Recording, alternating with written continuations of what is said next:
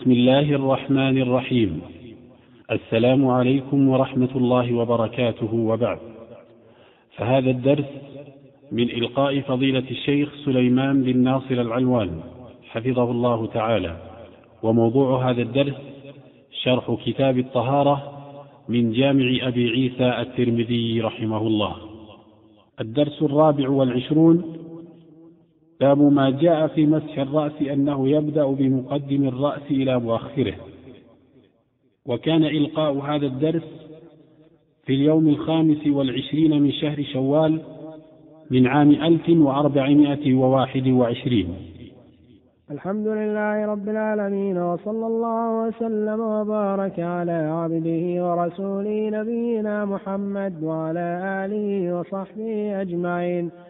قال الإمام الحافظ أبو عيسى الترمذي رحمه الله تعالى في سننه باب ما جاء في مسح الرأس أنه يبدأ بمقدم الرأس إلى مؤخره.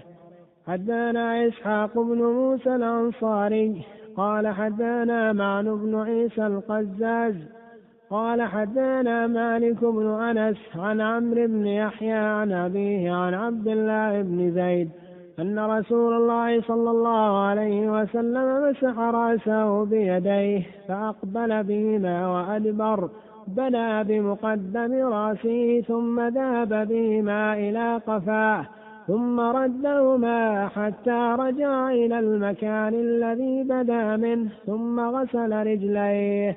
وفي الباب عن معاوية والمقدام بن معد كرب وعائشة. قال أبو عيسى حديث عبد الله بن زيد نصح شيء في هذا الباب وأحسن وبه يقول الشافعي وأحمد وإسحاق. بسم الله الرحمن الرحيم. قال الإمام أبو عيسى الترمذي رحمه الله تعالى باب ما جاء في مسح الرأس أنه يبدأ بمقدم الرأس إلى مؤخره. هذا الباب معقود لبيان سنية المسح. أو طريقة سنية طريقة المسح. لأن مسح الرأس في الجملة فرض من فروض الوضوء. والرأس هو ما اشتملت عليه منابت الشعر المعتاد. والسنة في ذلك أن يبدأ بمقدم الرأس إلى مؤخره. والحكمة من ذلك استيعاب كل الرأس بالمسح. استيعاب كل الرأس بالمسح. وإذا استوعبه بالإقبال باليدين كان الإدبار بهما مستحبا غير واجب. والسنة في مسح الرأس أخذ ماء جديد بصحة الأحاديث في ذلك. ولم يثبت ما يعارضها من وجه يصح. أو لم يأتي ما يعارضها من وجه صحيح. وإن لم يأخذ ومسح رأسه بيديه من فضل الماء أو بما فضل من يديه فيجزي في أصح قولي العلماء.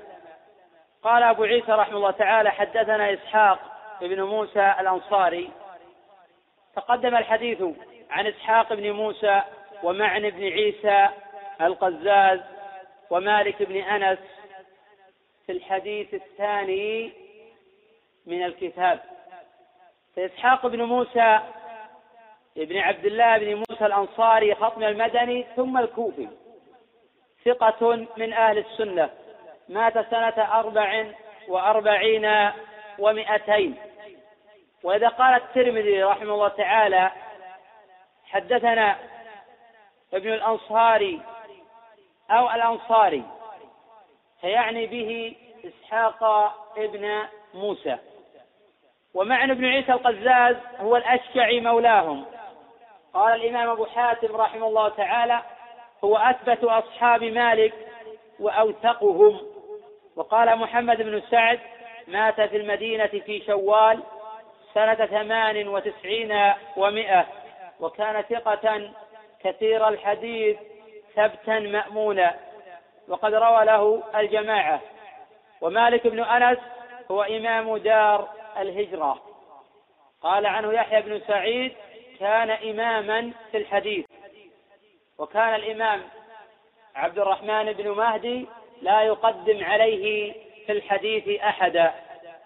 وقال الإمام عبد الله بن الإمام أحمد رحمه الله قلت لأبي من أثبت أصحاب الزهري؟ قال مالك أثبت في كل شيء.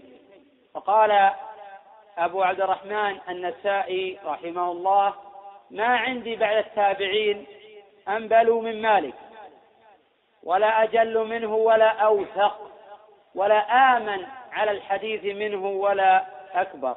وقال عن النسائي أيضا ما علمناه حدث عن متروك إلا عن عبد الكريم ابن أبي المخارق. وقد توفي سنة تسع وسبعين ومائة قال مالك عن عمرو بن يحيى عن أبي عن عبد الله بن زيد وتقدم الحديث عنهم قبل بابين أن رسول الله صلى الله عليه وسلم مسح رأسه بيديه. تقدم أن عبد الله بن زيد ليس هذا هو الذي أري النداء. والقول بأن عبد الله بن زيد هنا هو الذي أري النداء غلط. وكلاهما صحابيان جليلان. أن رسول الله صلى الله عليه وسلم مسح رأسه بيديه. وفي رواية سليمان بن بلال في صحيح البخاري عن عمرو بن يحيى عن أبيه وفيه ثم أخذ بيده ماء فمسح رأسه ففيه أخذ أو ففيه استحباب أخذ ماء جديد للمسح الرأس. ففيه استحباب أخذ ماء جديد لمسح الرأس. فإن لم يفعل ومسح رأسه بما بقي من فضل يديه أجزأ ولكنه فوت على نفسه أجر السنة. قوله بيديه فلو مسح رأسه بيد واحدة أجزأ ولكن مسح الرأس باليدين أفضل لأنه يعني أقرب إلى تعميم الرأس. وتعميم مسح الرأس هو الأقوى مذهبا عند أهل العلم رحمهم الله. قوله فأقبل بهما وأدبر. إذا عمم رأسه بالإقبال صار الإدبار سنة. وإذا لم يعمم بالإقبال صار الإدبار واجبا حتى يحصل التعميم. والمرأة في ذلك كالرجل. والمرأة في ذلك كالرجل. لأن النساء شقائق الرجال ما لم يثبت تخصيص في ذلك. فقد ثبت تخصيص المرأة في مسائل متعددة وتناصف الرجل في خمس مسائل. الأولى الدية دية المرأة على النصف من دية الرجل. الأمر الثاني الشهادة شهادة امرأتين عن شهادة رجل. الأمر الثالث الميراث للذكر مثل حظ الأنثيين.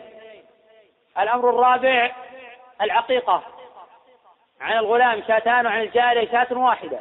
الأمر الخامس العتق. عتق امرأتين عن عتق رجل واحد.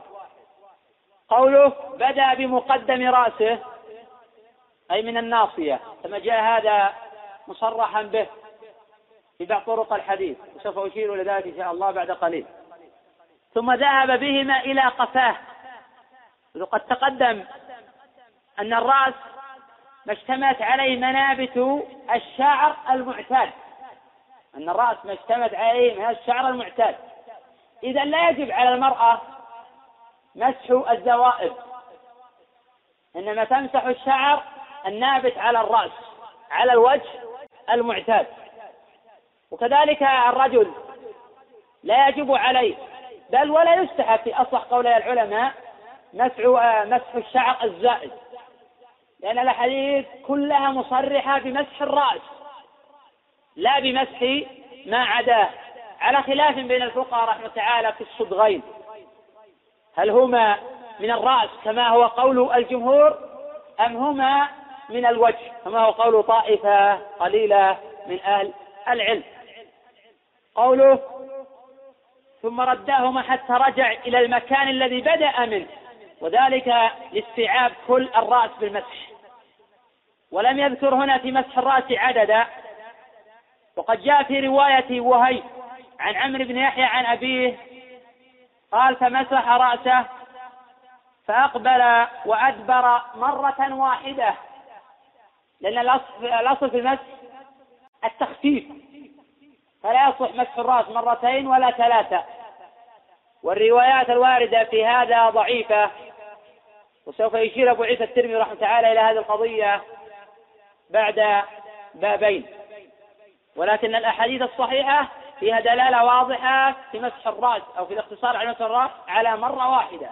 وهذا قول أكابر أهل العلم من الصحابة والتابعين والأئمة المتبوعين. قوله ثم غسل رجليه الترتيب في الوضوء واجب. وفروض الوضوء ستة غسل الوجه قال الحنابلة ومنه المضمضة والاستنشاق وقال الجمهور المضمضة والاستنشاق سنة وتقدم الحديث عنهما. وغسل اليدين إلى المرفقين أي مع المرفقين. كما قال تعالى وأيديكم إلى المرافق أي مع المرافق فإن الغاية تدخل في المغية هنا. والذي عليه أكابر فقهاء الحنابلة أن الغاية تدخل في المغية في ثلاثة مواضع. الموضوع الأول في غسل اليدين إلى المرفقين أي مع المرفقين. الموضوع الثاني في غسل الرجلين إلى الكعبين أي مع الكعبين وهذا ظاهر السنة. الموضوع الثالث آه، دخول التكبير أو دخول عصر آخر يوم التشريق في التكبير. أي العصر أي مع العصر. ومع هذه الصور فلا تدخل الغاية المغية إلا ما جاء النص آه، به. آه، الرابع مسح الرأس. مسح الرأس فرض من الفروض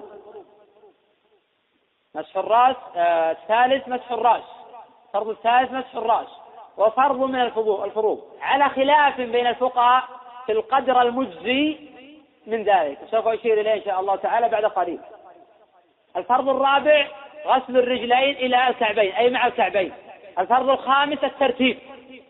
لأن الله جل وعلا حين أدخل الممسوح بين مغسولين وذلك لفائدة الترتيب. فإن العرب ليس من شأنها أن تغاير بين أمرين إلا لفائدة. والفائدة هنا الترتيب. والقرآن نزل بلغة العرب الأمر السادس الموالاة. فلا يصح أن تغسل اليدين الساعة الواحدة ثم بعد الواحدة والنصف تشرع في غسل الوجه. الموالاة فرض من فروض الوضوء. يعفى عن الشيء اليسير عرفا. حديث الباب قد جاء بلفظه في الصحيحين من رواية مالك وقد تقدم أن ابن وهيبا رواه عن عمرو بن يحيى وعنده فمسح رأسه فأقبل وأدبر مرة واحدة. بينما في رواية سليمان بن بلال عن عمرو بن يحيى قال ثم أخذ بيده ماء. قلنا رواية وهيب عن عمرو بن يحيى ومسح رأسه فأقبل بهما وأدبر مرة واحدة. وفي رواية سليمان بن بلال عن عمرو بن يحيى قال ثم أخذ بيده ماء فمسح رأسه فأدبر به وأقبل. ورواية مالك في ذلك أصح شيء. وقد جاء عند ابن خزيمة تفسير لرواية مالك. قال إسحاق بن عيسى سألت مالكا عن الرجل. مسح مقدم رأسه في الوضوء أيجزيه ذلك؟ فقال مالك رحمه تعالى حدثني عمرو بن يحيى عن أبي عن عبد الله بن زيد قال مسح رسول الله صلى الله عليه وسلم رأسه في وضوئه من ناصيته إلى قفاه ثم رد يديه إلى ناصيته ومسح رأسه كله. في دليل على استيعاب الرأس بالمسح والاقتصار على مرة واحدة لأنه لم يذكر عددا لذلك. قال أبو عيسى رحمه الله تعالى وفي الباب عن معاوية. حديث معاوية رواه أبو داود في سننه. وعن المقدام بن معد كرب هذا رواه أبو داود في سننه. وعائشة وحديث عائشة رواه النسائي من طريق عبد الملك بن مروان عن سالم بن سبلان عن عائشة في صفة وضوء النبي صلى الله عليه وسلم. قالت عائشة تصف وضوء النبي صلى الله عليه وسلم ووضعت يدها في مقدم رأسها. ووضعت يدها في مقدم رأسها. ثم مسحت رأسها مسحة واحدة إلى مؤخره. وفي هذه الرواية فوائد. الأولى أن المرأة كالرجل. أن المرأة كالرجل. فهذا الثانية فيما دلت عليه الأحاديث السابقة من البدء بمقدم الرأس. ولو مسح من أي جهة أجزع لكن خالف السنة. الفائدة الثالثة الاقتصار في مسح الرأس على مرة واحدة. الاقتصار في مسح الرأس على مرة واحدة. قال أبو عيسى حديث عبد الله بن زيد أصح شيء في هذا الباب. وقد تقدم أنه متفق عليه من حديث مالك عن عمرو بن يحيى. وقد رواه عن عمرو بن يحيى جمع. سليمان بن هلال ووهيب وجماعة. قال أبو عيسى وبه يقول الشافعي وأحمد وإسحاق. أي من البدء بمقدم الرأس إلى مؤخره. وهذا مذهب مالك. وقال الإمام ابن المنذر رحمه الله تعالى في الأوسط وبحديث عبد الله بن زيد أقول لأنه أصح ما في الباب ويجزئ مسح بعض الرأس. القول ويجزئ مسح بعض الرأس من كلام ابن المنذر رحمه الله تعالى. وقد اتفق. انتهى كلام المنذر. أقول وقد اتفق. أئمة السلف على أن السنة مسح جميع الرأس واختلفوا في القدر الواجب من ذلك. واختلفوا في القدر الواجب من ذلك. وظاهر الكتاب والسنة وجوب مسح جميع الرأس. قال تعالى وامسحوا برؤوسكم. والباء هنا للإلصاق أي إلصاق الفعل بالمفعول. أي إلصاق الفعل بالمفعول. وحديث عبد الله بن زيد يؤيد هذا المفهوم. حديث عبد الله بن زيد يؤيد هذا المفهوم للآية. واختار هذا القول الإمام مالك وأحمد بن حنبل رحمهم الله. وقال الإمام أبو حنيفة رحمه الله أقل ما يجزئ من مسح الرأس الربع.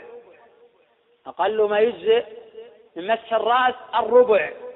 وعنه قدر ثلاثة أصابع.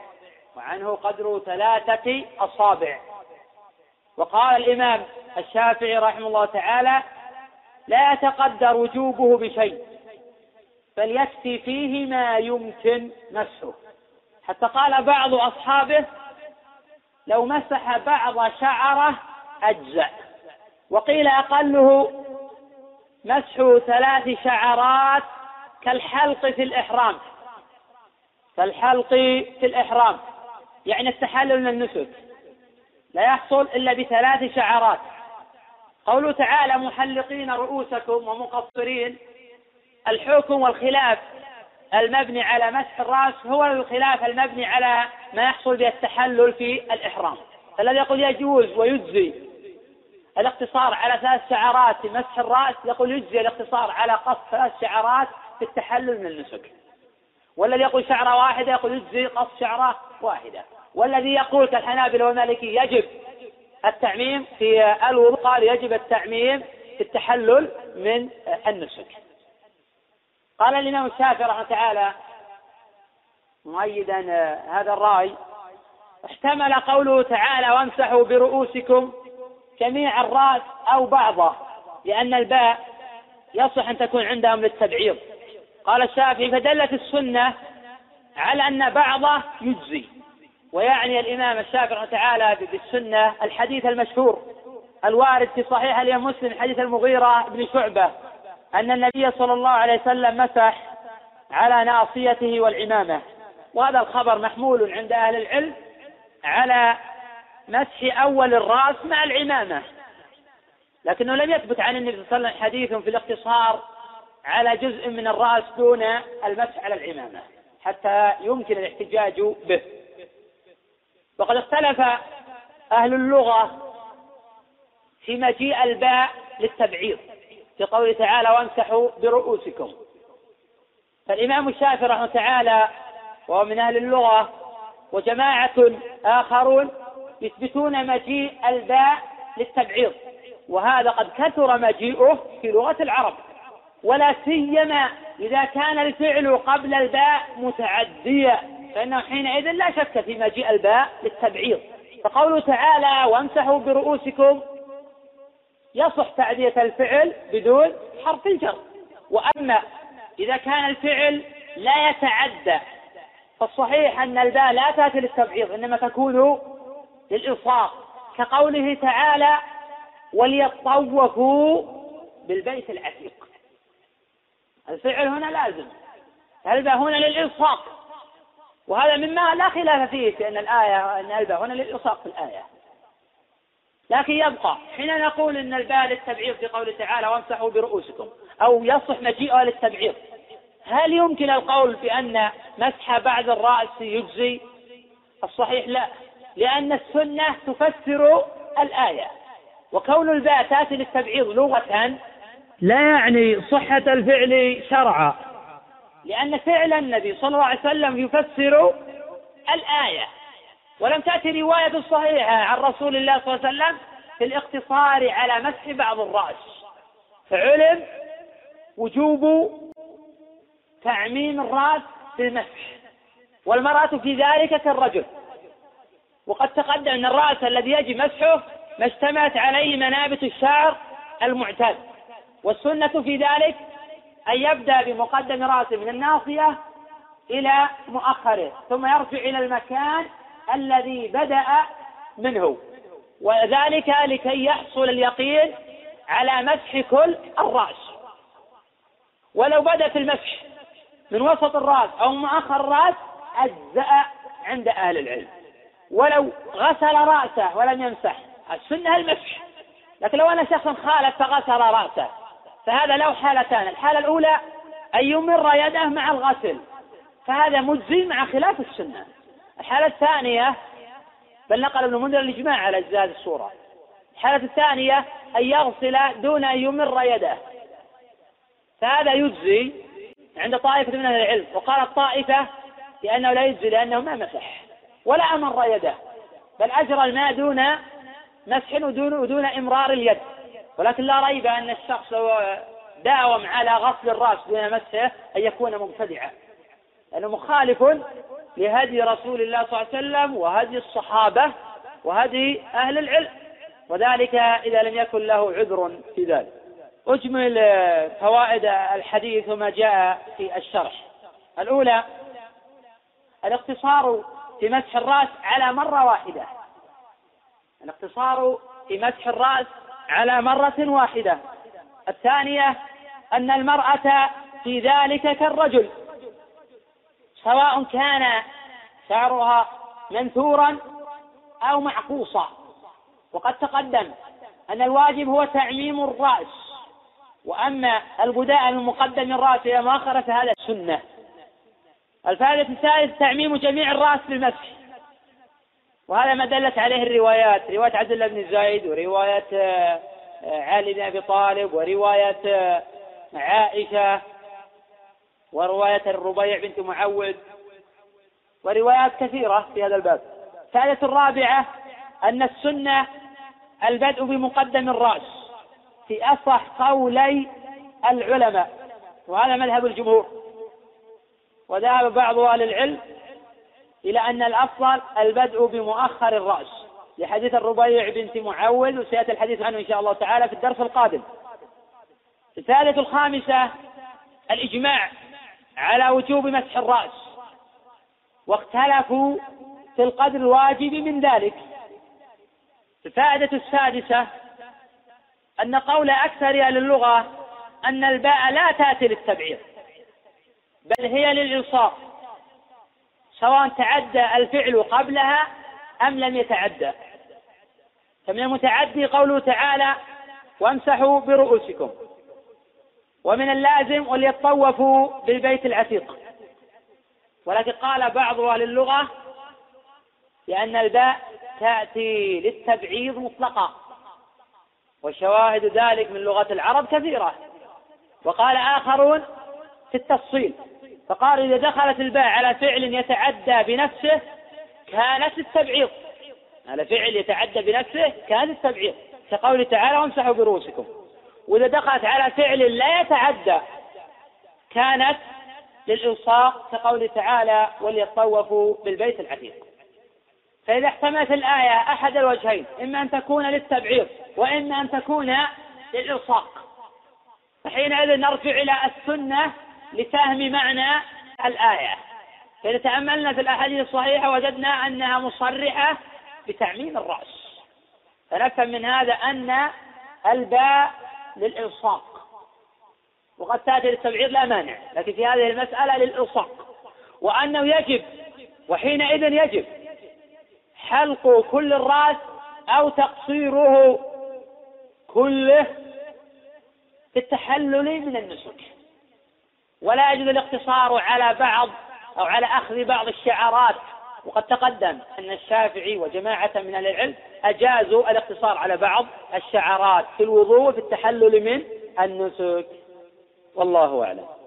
أخي يسأل عن الحديث المشهور ومسح رأسه آه، بما فضل من يديه. هذا الحديث منكر سيأتي الكلام عليه إن شاء الله تعالى. وأن الثابت في ذلك أنه أخذ لرأسه ماء جديدا. هذا الذي ثبت في صحيح الإمام مسلم. وثبت في رواية سليمان آه، بلال وثبت في رواية جمع من الصحابة رضي الله عنهم. إذا مسح رأسه بماء أجزى سواء كان بيده أو بغير اليد أجزى. لكن السنة يمسح رأسه بكلتا يديه. اي نعم. لكن التعميم التعميم ولو كان مبني على التخفيف التخفيف مرة واحدة ولكن تعمم. لا يشترط أن تضغط على يديك على الرأس. إنما المراد أن, أن تمسحه آه، وتعمم الرأس بالمسح وهذا من التخفيف. سمعنا التخفيف أن الإنسان يقتصر على شعيرات لأن النبي صلى الله عليه وسلم آه، مسح كل الرأس. وكل من نقل صفة وضوء النبي صلى الله عليه وسلم ذكر عنه أنه يعمم الرأس. ولم ترد رواية ثابتة أنه اقتصر على بعض الرأس. أما حديث المغيرة في مسلم حين مسح الناصية والعمامة. هذا لأجل المسح على العمامة. لا لأجل الاقتصار على بعض آه، الرأس. فلذلك لو غطيت الناصية بالعمامة تمسح تبعا للعمامة. نعم. يصدق على المسح إذا عمم الرأس. نعم. كررت هذا مرارا. عند السنة مرة واحدة. تبدأ من الناصية إلى مؤخرة ثم ترجع إلى المكان الذي تسمى واحدة هذه. رواية وهيب يظهر أنه تفرد وحده بقوله مرة واحدة. هل أعلها بعض بالشذوذ؟ جاء جاء تحديد بمرة واحدة عن جمع. وبما أن الحديث والترجمة ليست عن هذه المسألة أشرت إليها إشارة. ولسوف يأتي إن شاء الله الإشارة إليها مطولا. وذكر الخلاف بين أهل العلم لأن أبا عيسى أشار إلى هذه القضية بعد ما بين. سوف نبحث إن شاء الله هذه القضية. إن شاء الله بحثا موسعا ونذكر ما جاء من الروايات الدالة على مس مرتين وأنها شاذة وأن الأحاديث الثابتة عن الإنسان اقتصار على مرة واحدة في حديث علي وفي حديث عبد الله بن زيد وفي حديث عائشة وفي غيرها من الأحاديث الصحيحة. هذا قول طائفة من العلم من الضابط لا ينشف العضو ولكن الصحيح ما لم يطع عرفا وما يخالف مقتضى العرف لأن العضو قد ينشف. يعني بعض الناس تكون تجذب الماء بسرعة فينشف العضو هذا ليس بضابط حقيقي شرعي. ولا يمكن تحديد الضابط بين إذا نشف العضو ما لم يطل عرفا. فإذا كان الفاصل عرفا يطول وخالف مقتضى الموالاة فهذا لا يجوز. إذا كان لا يخالف مقتضى الموالاة فهو صحيح. ولو نشف العضو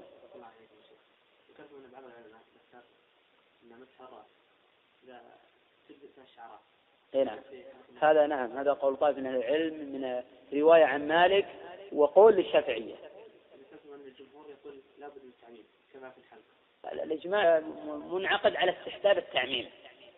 فرق بين الاستحباب وبين الإيجاب.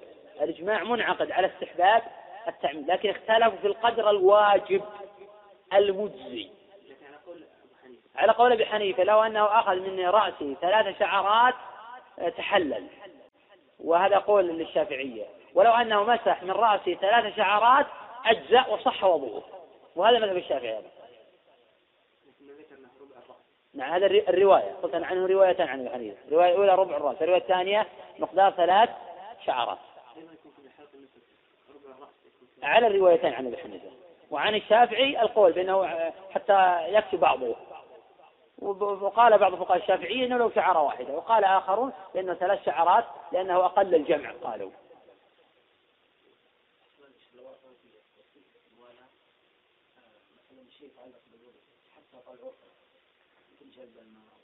إذا كان من من يعني مما يعني من لوازم الوضوء ذلك هذا يعفى عنه نعم هل ثبت النبي صلى الله عليه وسلم اخذ من شعر في الحج؟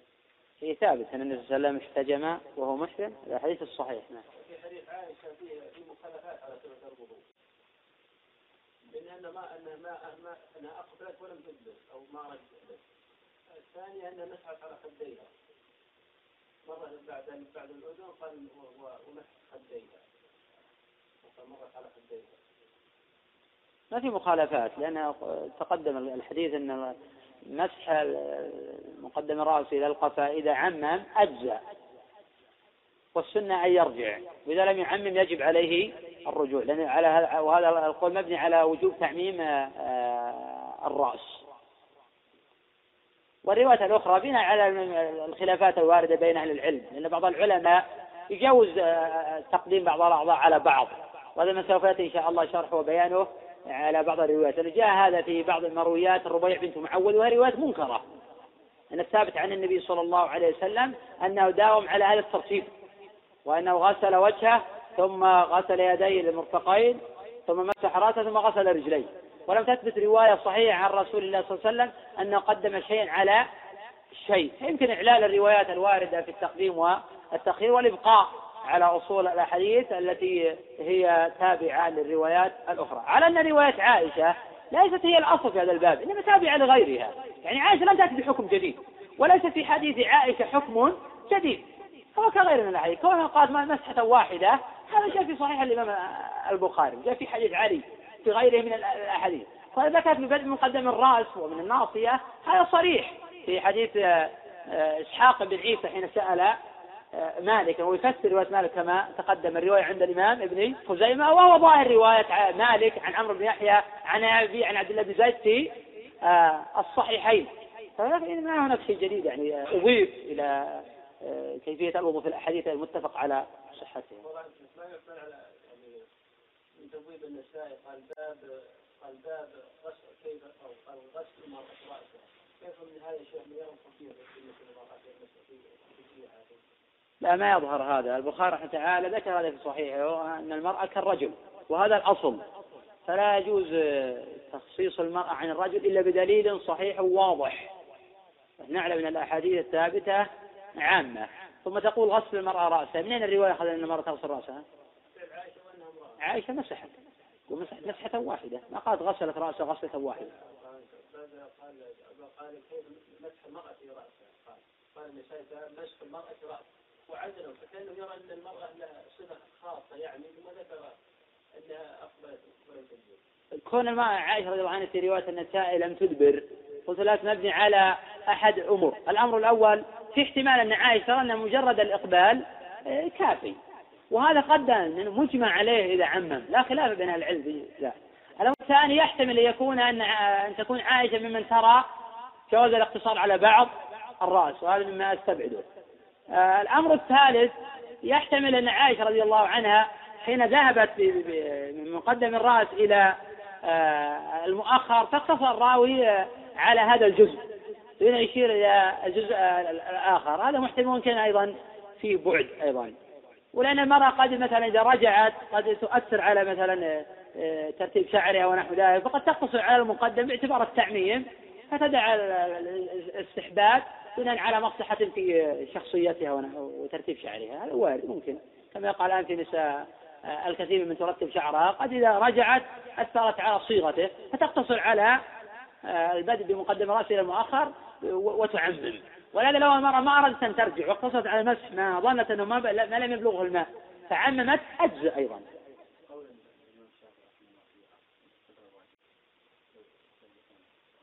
واضح أنا أشرت لأن الشافعي رحمه تعالى يقول آه، ما يكفي. الواجب من مذهب الشافعي رحمه تعالى ما يكفي آه، مسحه. اختلف أصحابه في تفسير قول الشافعي فقالت طائفة أنه لو آه، مسح شعرة واحدة أجزأ. هذا قالوا طائفة من فقهاء الشافعية. قال آخرون لا يصدق عليه أنه أقل الجمع. وقالوا أقل الجمع ثلاث الشعر لا لا ما توصل الماء إلى ظهر الشعر فقط. فلذلك لو أن المرأة وضعت الحنة على رأسها جاز أن تمسح عليه. ولا يجب عليها إزالته ولا يجب عليه إزالته وجه الدلالة من النبي صلى حينما احتجب لا شك أنه أخذ من شعره أكثر من ثلاث. أليس هذا يكون فيه رد على الأحناف الذين يقولون مس الثلاث يكفي؟ ولم يقصد النبي صلى الله عليه وسلم. أصلا لا يلزم أنه يفتي لأن اللي وردت الفدية في حلق الرأس كله. كون النبي صلى الله عليه وسلم احتجب وهو محرم ومن الضروري آه، يحلق بعض رأسه وهذا الحلق يجتمع على أكثر من ثلاث شعرات لا يلزم وجود الفدية. لأنك تركب أنت على أصل غير متفق عليه بين العلم. من شرط القياس أن يكون الأصل متفقا عليه بين العلم. فلو أن امرأ تعمد وقص بعض شعره ولو لم يكن محتجما لا نلزم بالدم لأنه لا دليل على الدم. الآية وردت في من حلق رأسه. وحديث ابن عدة يفسر الآية. في من حلق كل رأسه. هذا يستلزمه الفدية أما لو حلق بعض رأسه ولم يكن محتجما نقول يأثم بذلك ولكن لا دم آه، عليه. مع أن حتى الإثم يبقى في إشكال يكون النبي يحتجم في هذا الوقت.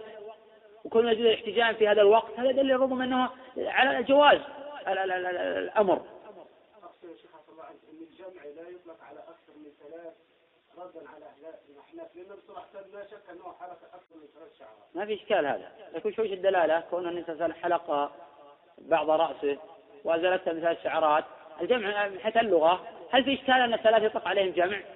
ما في إشكال لا من حيث اللغة ولا من حيث الشرع. بل علماء الشرع في, بالنسبة لصلاة الجماعة يقول اثنان جماعة. كما بوب على هذا البخاري صحيح باب الاثنان جماعة فما فوق بالنسبة للأحكام الشرعية. بالنسبة للأحكام اللغوية وما عليه مطلق اللغة فإن الثلاثة جمع.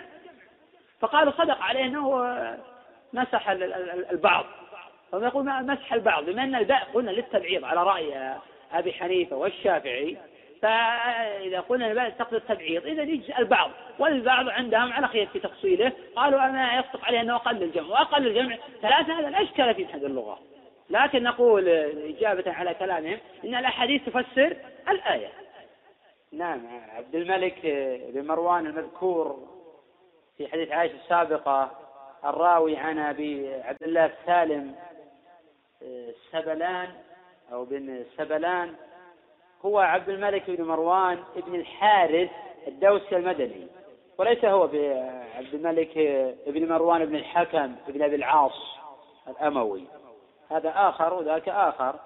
عبد الملك بن مروان لم يخرج له سوى النسائي ولم يروي عنه سوى الجعيد بن عبد الرحمن.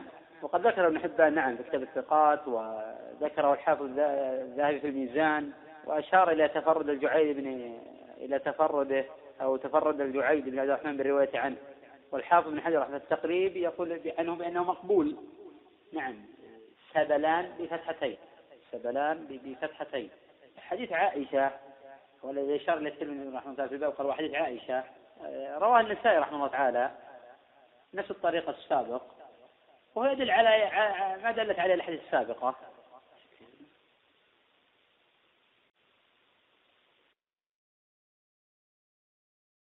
بسم الله الرحمن الرحيم.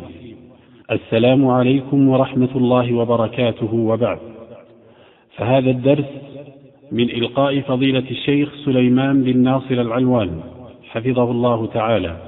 وموضوع هذا الدرس شرح كتاب الطهارة من جامع أبي عيسى الترمذي رحمه الله. الدرس الخامس والعشرون باب ما جاء أنه يبدأ بمؤخر الرأس. وكان إلقاء هذا الدرس في اليوم السابع والعشرين من شهر شوال من عام ألف وأربعمائة وواحد وعشرين. الحمد لله رب العالمين وصلى الله وسلم وبارك على عبده ورسوله نبينا محمد وعلى آله وصحبه أجمعين.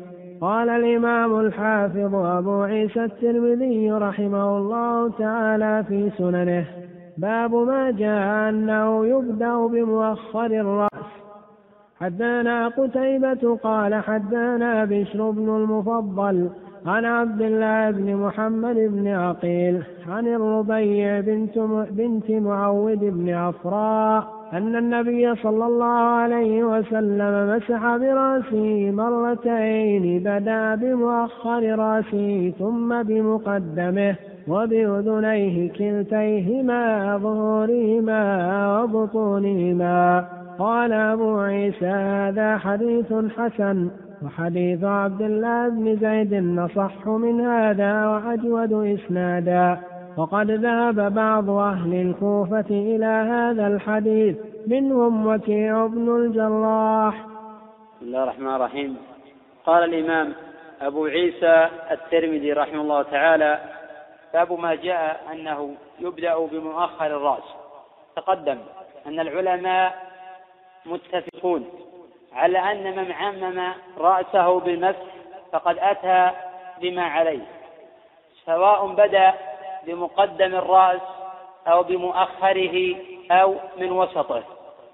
وأن الخلاف في ذلك إنما هو للأفضل.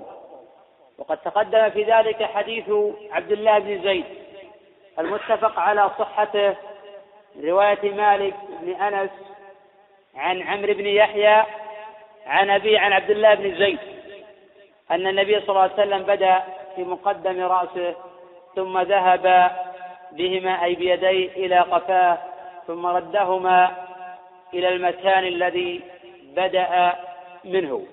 وهذا قول أكثر أهل العلم من الصحابة والتابعين والأئمة المتبوعين. وقد تقدم الحديث عن هذا في الترجمة الماضية باب ما جاء في مسح الرأس أنه يبدأ بمقدم الرأس إلى مؤخره. وقد بدأ بهذه الترجمة الإمام أبو عيسى لأن هذا هو الأصح. ثم إشار إلى قول من قال يبدأ بمؤخر الرأس بقوله باب ما جاء أنه يبدأ بمؤخر الرأس. سيأتي إن شاء الله ما في ذلك من الأحاديث. قال أبو عيسى رحمه الله تعالى حدثنا قتيبة ابن سعيد تقدم أنه ثقة وقد سبق الحديث عنه مرارا وقد ولد سنة ثمان وأربعين ومائة وتوفي سنة أربعين ومائتين وخرج له الجماعة. قال حدثنا بشر بن المفضل ابن لاحق القرشي مولاهم. قال عنه الإمام أحمد رحمه الله تعالى إليه المنتهى في التثبت بالبصرة. وقد خرج له الجماعة وتوفي سنة سبع وثمانين ومائة عن عبد الله بن محمد بن عقيل وقد تقدم الحديث عنه موسعة. قال عنه أبو عيسى صدوق فيما مضى. ونقل عن البخاري أنه قال مقارب الحديث أي يقرب حديثه من أحاديث الثقات. وحديثه وحديثه على ثلاث مراتب. المرتبة الأولى أن يخالف فيترك حينئذ حديثه. الحالة الثانية يتفرد بأصل فليس بحجة. ما لم يتفق الأئمة ما لم يتفق الأئمة أو أكابرهم على تصحيحه تصحيح حديثه أو تلقيه بالقبول. المرتبة الثالثة أن يروي ما يروي الناس مما ليس بأصل ولا في مخالفة فحديثه مقبول. وقد قال الترمذي رحمه تعالى في جامعه على الحديث الثالث سمعت محمد بن إسماعيل يقول كان أحمد بن حنبل وإسحاق ابن إبراهيم والحميدي يحتجون بحديث عبد الله بن محمد بن عقيل. وقد نقل عن الإمام أحمد رحمه الله أنه قال ابن عقيل منكر الحديث ويكاد يتفق أهل العلم على أن ابن عقيل سيء الحفظ. وقد تقدم تقسيم الرواة من حيث القبول والرد في كلام الإمام عبد الرحمن بن مهدي رحمه الله تعالى. الراوي الذي لم يفحش غلطه ولم يكن أكثر حديثه الغلط فهذا لا يمكن رده مطلقا. وقد صحح لابن عقيل جمع من أهل العلم. الترمذي يصحح له كثيرا. صحح له ابن خزيمة وله أحاديث احتج بها البخاري وأحمد بن حنبل وجماعة مع أنها لا تروى إلا من طريقه ولكن قد يتفرد بأصل أو يخالف غيره فحينئذ لا يقبل حديثه. وقد توفي ابن عقيل بعد الأربعين ومائة على قول خليفة ابن خياط. ابن عقيل يروي هذا الحديث عن الربيع بنت معوذ وقد تفرد ابن عقيل في هذا الحديث أو بهذا الحديث عن الربيع بنت معوذ ابن عفراء الأنصارية من بني النجار. لها صحبة ورواية وأبوها من البدريين وقد قتل أبا جهل وحديثها في الكتب الستة. وتوفيت في خلافة عبد الملك سنة بضع وسبعين رضي الله عنها. أن النبي صلى الله عليه وسلم مسح برأسه مرتين. وفي حديث ابن عجلان عند الترمذي وغيره عن ابن عقيل عن الربيع أن النبي صلى الله عليه وسلم مسح برأسه مرة واحدة. وهذا المحفوظ عن رسول الله صلى الله عليه وسلم. وجاء أيضا عند أبي داود من طريق عبد الرحمن بن وردان عن أبي سلمة بن عبد الرحمن عن حمران عن عثمان في صفة وضوء النبي صلى الله عليه وسلم قال ومسح رأسه ثلاثا. هذا الحديث رواه أبو داود وصححه ابن خزيمة وغيره وفيه نظر ولا يقبل تفرد ابن وردان عن أبي سلمة. ومن هنا قال الإمام أبو داود رحمه الله تعالى في سننه أحاديث عثمان أحاديث عثمان الصحاح. كلها تدل على أن مسح الرأس مرة واحدة. وهذا قول أكثر أهل العلم. وهذا قول أكثر أهل العلم من الصحابة والتابعين والأئمة المتبوعين. ومذهب أبي حنيفة ومالك وأحمد. وقد استحب الإمام الشافعي المطلبي رحمه الله مسح الرأس ثلاثة. واستدل بحديث عثمان السابق وقد تقدم أن الرواية شاذة. واستدل بعموم الأحاديث الواردة أن النبي صلى الله عليه وسلم توضأ ثلاثا ثلاثة. فيجاب عن هذا فيقال الرواية مجملة توضأ ثلاثا ثلاثة تفسر بالروايات الأخرى فإن كل من وصف وضوء النبي صلى الله عليه وسلم وذكر عنه أن توضأ ثلاثا ثلاثة لا يذكر العدد في الرأس. يغسل يديه ثلاثة ومسح رأسه ثم غسل رجليه ثلاثة. فحين غاير في العدد بين اليدين والرأس والرجلين ذكر اليدين ثلاثا والرجلين ثلاثة لكن لم يذكر في الرأس عددا وقد جاءت روايات أخرى تؤكد هذا الفهم في حديث علي وفي حديث ابن عباس وفي حديث عبد الله بن زيد في رواية وهيب في البخاري أنه مسح رأسه مرة واحدة. وهذا الصحيح فإن الرأس مبني على التخفيف يقتصر على مسح الرأس مرة واحدة وقد تقدم أنه يجب تعميم المسح. ولا يجب الاقتصار على البعض. قوله بدا بمؤخر رأسه ثم بمقدمه وبأذنيه كلتيهما ظهورهما وبطونهما. قوله بدا بمؤخر رأسه ثم بمقدمه. هذا خلاف الروايات الأخرى التي تؤكد أن النبي صلى الله عليه وسلم بدأ بمقدم الرأس كحديث عبد الله بن زيد المتفق على صحته من رواية مالك كما تقدم. ولا يمكن قبول هذه الرواية. فقد تفرد بذلك عبد الله بن محمد بن عقيل عن الربيع. وقد اختلف فيه على ابن عقيل أيضا. فقد رواه عبد الرزاق في المصنف عن معمر عن ابن عقيل. وفيه ومسح رأسه مرتين. وهكذا رواه أحمد وابن ماجه عن وكيع عن سفيان عن ابن عقيل ورواه ابن عجلان أيضا عن ابن عقيل فذكر المسح ولم يذكر عددا وهذا في المسند وقد رواه الترمذي وذكر مرة واحدة. وقال أبو عيسى هذا حديث حسن صحيح. وعنده ومسح ما أقبل أي من الرأس وما أدبر. فذكر البدء بمقدم الرأس. وقد يقول قائل نقدم رواية بشر بن المفضل على رواية ابن عجلان. لأن بشر بن المفضل أوثق من ابن عجلان ولا سيما أن بشر بن المفضل قد توبع تابعه سفيان. فيقال هذا صحيح فيقال هذا صحيح. ولكن ابن عقيل اضطرب في هذا الحديث. ولهذا رواه شريك ابن عبد الله عن ابن عقيل بلفظ وأخذ ماء جديدا فمسح به رأسه مقدمه ومؤخره. وشريك سيء الحكم وهذا متابعة لابن عجلان. وقد جاء في بعض طرق حديث ابن عقيل أنه مسح رأسه بما فضل من يديه. وهذا يؤكد الاضطراب وأن الثابت أنه أخذ لرأسه ماء شديدا. فلهذا نقول عن هذا الحديث بأنه مضطرب والأحكام الواردة فيه أنه مسح رأسه مرتين هذا غير صحيح. تقدم أن الثابت أنه مسح رأسه مرة واحدة. وهذا هو المحفوظ ولهذا أبو عيسى لم يصحح حديث الباب. قال هذا حديث حسن لكن حين أتى حديث ابن عجلان عن ابن عقيل وأنه مسح برأسه مرة واحدة بدأ بالمقدم ثم المؤخر قال هذا حديث حسن صحيح.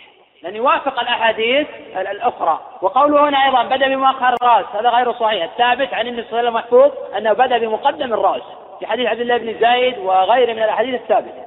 وقوله وبأذني كلتيهما ظهورهما وبطونهما. قد جاء مسح الأذنين ظاهرهما وباطنهما في أحاديث كثيرة. منها حديث إسرائيل عن عامر بن شقيق عن أبي وائل عن عثمان في صفة وضوء النبي صلى الله عليه وسلم وفي ومسح بأذنيه ظاهرهما وباطنهما. روى ابن خزيمة وغيره والحديث قد جاء في الصحيحين بدون ذكر مسح الأذنين. بدون ذكر مسح الأذنين. وعامر بن شقيق لا يقبل تفرد في هذا الخبر عن أبي وائل. وهو صاحب الزيادات في حديث عثمان على الصحيحين. في تعدد مسح الرأس وفي مسح الأذنين وفي تخليل اللحية. وهذه روايات ضعيفة لا يعتمد عليها. في أحاديث عامر بن شقيق عن أبي وائل. ومن ذلك حديث ابن عجلان. في الأحاديث الدالة على مسح الأذنين ظاهر وظاهر حديث ابن عجلان عن زيد بن أسلم عن عطاء بن يسار عن ابن عباس. أن النبي صلى الله عليه وسلم مسح برأسه وأذني ظاهرهما وباطنهما. وهذا الحديث صححه الترمذي وابن خزيمة. ولكن الحديث في البخاري وغيره من طرق عن زيد بن أسلم بدون مسح الأذنين. وهذا إن شاء الله سوف نتحدث عنه في جامع أبي عيسى في الدرس القادم. ومن ذلك حديث موسى ابن أبي عائشة عن عمرو بن شعيب عن أبيه عن جده في صفة وضوء النبي صلى الله عليه وسلم حين سئل كيف الطهور. قال ثم مسح برأسه وأدخل أصبعيه السباحتين في أذنيه ومسح بإبهاميه على ظاهر أذنيه وبالسباحتين على باطن أذنيه. وهذا حديث صحيح. وهذا حديث صحيح. وهذا دليل أيضا على أن الأذنين من الرأس.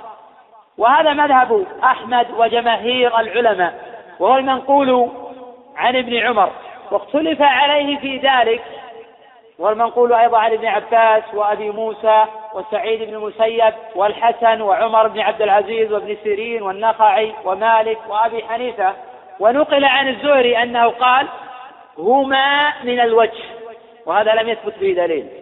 ومذهب الشافعي في هذه المسألة أنهما ليس من الوجه ولا من الرأس بل عضوان مستقلان يسن مسحهما على الانفراد. والصحيح في هذا الباب أن الأذنين من الرأس يمسحان حيث يمسح الرأس. ولكن الأحاديث الثابتة في صفة وضوء النبي صلى الله عليه وسلم كحديث عثمان في الصحيحين كحديث عبد الله بن زيد في الصحيحين وكحديث ابن عباس وكحديث علي. ليس في شيء من ذلك مسح الأذنين. بل الأحاديث حيث العموم الواردة عن النبي صلى الله عليه وسلم في مسح الأذنين كلها معلولة فيما أعلم إلا حديث موسى بن أبي عائشة عن عمرو بن شعيب عن أبي عن جده فيما ذكرنا. فهو أصح شيء في هذا الباب وأحسن. وحينئذ يمكن أن يقال استحباب مسح الأذنين حيث لو اقتصر على مسح الرأس ولم يمسح أذنيه صح وضوءه لأنه يسن مسحهما مع الرأس. ولأن القائلين بأن الأذن الرأس مختلفون هل هذا على وجه الاستحباب أم على وجه الإيجاب؟ فقيل يجبان حيث يجب مسح الرأس وقيل مسحهما مستحب. وليس بواجب أو سنة وليس بواجب. ولا يشرع أخذ ماء جديد للأذنين لم يثبت عن النبي صلى الله عليه وسلم أنه أخذ ماء جديدا لهما. بل يمسحان مع الرأس وهذا قول أكثر أهل العلم. بينما قال الإمام الشافعي رحمه الله تعالى يأخذ للأذنين ماء جديدا. وهذا مروي عن ابن عمر رواه مالك في الموطأ بسند صحيح. قال أبو عيسى رحمه الله تعالى هذا حديث حسن. تقدم تعريف الحسن عند الترمذي بناء على ما ذكره أبو عيسى رحمه الله تعالى في كتاب العلل الموجود في آخر الجامع. قال وما ذكرنا في هذا الكتاب. حديث حسن فإنما أردنا به حسن إسناده عندنا. وكل حديث يروى لا يكون في إسناده من يتهم بالكذب ولا يكون الحديث شاذا ويروى من غير وجه نحو ذلك فهو عندنا حديث حسن. فالترمذي رحمه الله تعالى عرف الحديث الحسن إذا أفرد عن عبارة أخرى كالغريب يقول حسن غريب وحسن صحيح وحسن صحيح غريب أو حديث غريب إنما عرف الحسن إذا أفرد. فهنا في هذا التعريف يقول ويروى من غير وجه. بينما هذا الحديث لا يروى من غير طريق ابن عقيل عن الربيع بنت معوذ. ففي هذا إشكال في هذا إشكال على تعريف الحسن الذي ذكره أبو عيسى رحمه الله تعالى. وفي بعض النسخ لا توجد هذه العبارة هذا حديث حسن. فإن لم توجد فهذا واضح.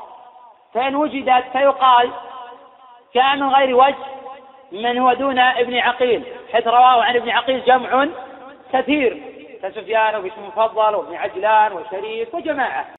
والمتن في اختلاف واضطراب والحديث لا يصح. ومن هنا قال أبو عيسى رحمه الله تعالى وحديث عبد الله بن زيد أصح من هذا وأجود إسنادا. حديث عبد الله بن زيد تقدم تخريجه وأنه رواه عن عمرو بن يحيى عن أبي عن عبد الله بن زيد جمع منهم مالك في الصحيحين ووهيب وسليمان بن بلال وأصح شيء في هذا الباب حديث مالك عن عمرو بن يحيى عن أبيه. وفي مسح راسه بيديه فأقبل بهما وأدبر بدأ بمقدم راسه ثم ذهب بهما إلى قفاه ثم ردهما حتى رجع إلى المكان الذي بدأ منه ثم غسل رجليه. وفي رواية سليمان بن بلال عن عمرو بن يحيى ثم أخذ بيده ماء فمسح رأسه. قال أبو عيسى رحمه الله تعالى وقد ذهب بعض أهل الكوفة إلى هذا الحديث منهم وكيع بن الجراح أي ذهب بعض أهل العلم إلى البدء بمؤخر الرأس ثم بالمقدم. من هؤلاء وكيع بن الجراح والحسن بن حي. وقد قال الإمام ابن عبد البر رحمه الله تعالى في التمهيد وفي الاستذكار عن هذا الحديث بأنه حديث مختلف في في ألفاظه. ويدور على ابن عقيل وليس في الحافظ عندهم وقد اختلف عنه في هذا. ثم بين ضعف هذا الخبر وضعف مأخذ القائلين به ثم بعد ذلك نقل الإجماع والاتفاق على أنه من حيث مسح وعمم الرأس أجزأ وأنه لا خلاف في ذلك وإنما الخلاف في الأفضل والأفضل في هذا البدء بمقدم الرأس. أجمل ما تقدم من الحديث على هذا الخبر. الأمر الأول ضعف حديث الباب وأنه مضطرب. الأمر الثاني أنه لم يثبت في مسح الرأس عدد. وأن ثابت الاقتصار على مرة واحدة وهذا قول الجمهور. الأمر الثالث أن حجة الإمام الشافعي رحمه تعالى في المسح ثلاثة مبنية على حديث ضعيف أو عمومات صح تقييدها. الأمر الرابع أن الأذنين من الرأس وهذا قول الجمهور. وقد تقدم أن أصح شيء في هذا الباب عن النبي صلى الله عليه وسلم هو حديث موسى بن أبي عائشة عن عمرو شعيب عن أبي عن جده. وقد ثبت عن جمع من الصحابة رضي الله عنهم أن الأذنين من الرأس كما نقل هذا عن ابن عمر وابن عباس وأبي موسى وجماعة من أهل العلم. الأمر الخامس أن السنة في مسح الرأس البدء من مقدمه. هذا ما يتعلق بمجمل الفوائد والعلم عند الله. رجه أبو داود رحمه الله تعالى في السنن. حديث موسى بن أبي عائشة عن عمرو بن عن أبيه عن جده. هذا أصح شيء ورد عن النبي صلى الله عليه وسلم في مسح الأذنين من فعله حين سئل عن الطهور وقد ثبت هذا عن جمع الصحابة رضي الله عنهم. ابن عمر وابن عباس وابن موسى عن كابر التابعين وهو قول الجمهور. نعم. رواية عمرو بن شعيب عن أبيه عن جده تصل إلى درجة الصحيح. حسن رواية عمرو شعيب عن جده رواية جيدة ومقبولة عند أهل العلم وقد قبلها الإمام البخاري رحمه الله تعالى واحتج بها في صحيحه في التعليق. واحتج بها أيضا الإمام أحمد احتج بها جمع غفير من أكابر أهل العلم. ولكن إذا جاءت الرواية تفرد واضح أو مخالفة أو في حديث أصل لا يمكن نقله من رواية عمرو بن شعيب عن جابر ففي هذه الحالات فيه نظر. ولكن العلماء السابقون عنده صحيح وضعيف. قد يعبرون عن الحسن بأنه صحيح. إذا قال هذا صحيح لا يلزم مراعاة الاصطلاح هل هو حسن أم صحيح. المراد يعني أنه مقبول أنه في حيز الاحتجاج به. وكذلك بن حاتم عن جده رواية مقبولة عند أهل العلم وقد احتج بها أيضا الإمام البخاري رحمه تعالى في صحيح معلقة وصحح لباهز جمع غفير أيضا. إلا اللي يظهر لي والعلم عند الله أن رواية عمرو أقوى من رواية باهز وكلاهما محتج بهما. ولكن أيضا يرد ويقال في رواية باز ما يقال في رواية عمرو التفرد والمخالفة ونحو ذلك. في تعريف الترمذي الحديث الحسن ممكن نقول أنه لم يحكم على الحديث بالشذوذ لو قال حسن في تعريفه قال ولم يكن شاذا. ممكن لكن هنا قال واحد بن زيد أصح من هذا وأجود إسنادا. ومن الضروري مراعاة الترجيح هنا. إلا إذا قيل كما قال الشوكاني وبعض المتأخرين يمكن حمل هذا على حالة وحمل حديث عبد الله بن زيد على حالة أخرى. وأن الإنسان تارة يبدأ بمقدم الرأس تارة يبدأ بالمؤخر. هذا لو كان الحديث قوي الإسناد من غير طريق من غير تفرد ابن عقيل عن الربيع لقيل بهذا. أما وقد تفرد به ابن عقيل عن الربيع فلا يمكن يقال بهذا. فالحديث فيه اضطراب ولا سيما أن أبا عيسى حكم على رواية ابن عجلان عن ابن عقيل عن الربيع بالصحة حين اقتصر في مسح الرأس على مرة واحدة وفي نفس الوقت ذكر أنه بدأ بمقدم الرأس ثم بالمؤخر. ما يكون في إشكال شيخ في قول أنه ولم يكن شاذا في تعريف الحسن. يرد عليك إشكال آخر إذا قلنا على كلامه لأن الحديث قد يكون الترمذي ما أعله وحديث ثابت عند أبي عيسى وجاء من غير وجه لما الجمع بينه وبين حديث ابن عجلان الترمذي صحح الحديث السابق وهنا على كلامك أنه صححه كيف نجمع بين الحديثين؟ نقول في تعريفه هناك إشكال يا شيخ وقال أنه هذاك شاذ تعريف الحسن ثم هنا كأنه يعله بالشذوذ هنا. يعني كيف يجعل قوله هذا حديث حسن؟ إذا يبقى على الكلام السابق في بعض النسخ ما في حديث حسن. وهذا حديث شاذ. لأن بعيد صح الحديث الآخر ويضطر الإنسان يصح هذا الحديث وأنه يزعم أن بعيد صحها أن يجمع بين الحديث الآخر. الحديث الآخر بدأ مقدم وبدأ مؤخر والطريق واحد. والمخرج واحد وهناك اقتصر على مسحرة مرة واحدة وهناك اقتصر على مرتين. نعم. على قول من يرى ان الاذنين من الراس أحيانا يكون في الأذن شعر. هل في الحج يجب حلق الشعر مع الاذن مع الرأس؟ يكون من الرأس؟ لا لا يقولون بهذا. حتى لو قيل بين اذن الراس في الحج لا يجب حلق الشعر الذي على الأذنين من يقتصر على من حلق الرأس في الحج. له قول رابع لكن ضعيف هذا ما ورد في نص. حديث المسلم بن عائشة عن مصعب عن أبي عن جده صريح أنه مسح اذنيه بعد الفراغ من رأسه وبعد مسح الرأس أو مع الرأس. ففي هذا دليل أن الأذنين من الرأس. وهذا هو المنقول عن كابر الصحابة كابن عمر وابن عباس وأبي موسى. والمنقول في الرواية الأخرى وإن كانت ضعيفة كرواية الربيع بنت معوذ ورواية عثمان وغير ذلك من الأحاديث.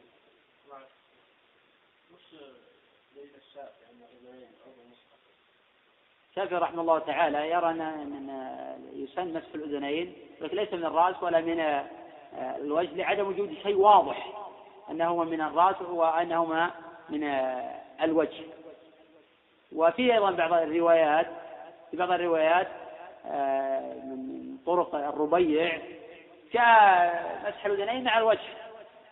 وفي بعض الروايات مع الرأس. فكان الشافعي قال انهما عضوان مستقلان. يسن مسحهما على الانفراد. بصرف النظر عن موقعهما هل هو بعد الوجه أو بعد الرأس. على كل هذا قول فيه ضعف. ومخالفة صريحة لحديث موسى بن عائشه عن عمرو بن عن جنده ولعمل أكابر الصحابة.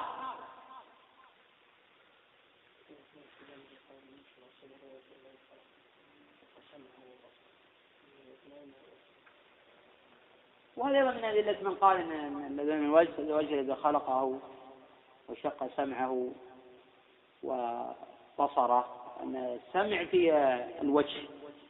ولكن هذا ليس واضحا من حيث المسح لأن خير من يفسر هذه الأحاديث ويبين معانيها هو رسول الله صلى الله عليه وسلم. فحين ننظر لمجمل اللغة ولواقع هدي رسول الله صلى الله عليه وسلم نجد أن الأذنين من الرأس. أن الأذنين من الرأس.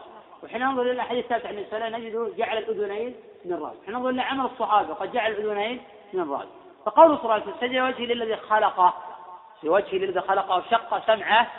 أي شق سمعه فيما في داخل عموم الرأس. لا فيما هو مستقل عن ذلك. وليس في معنى هذا أن السمع في الوجه.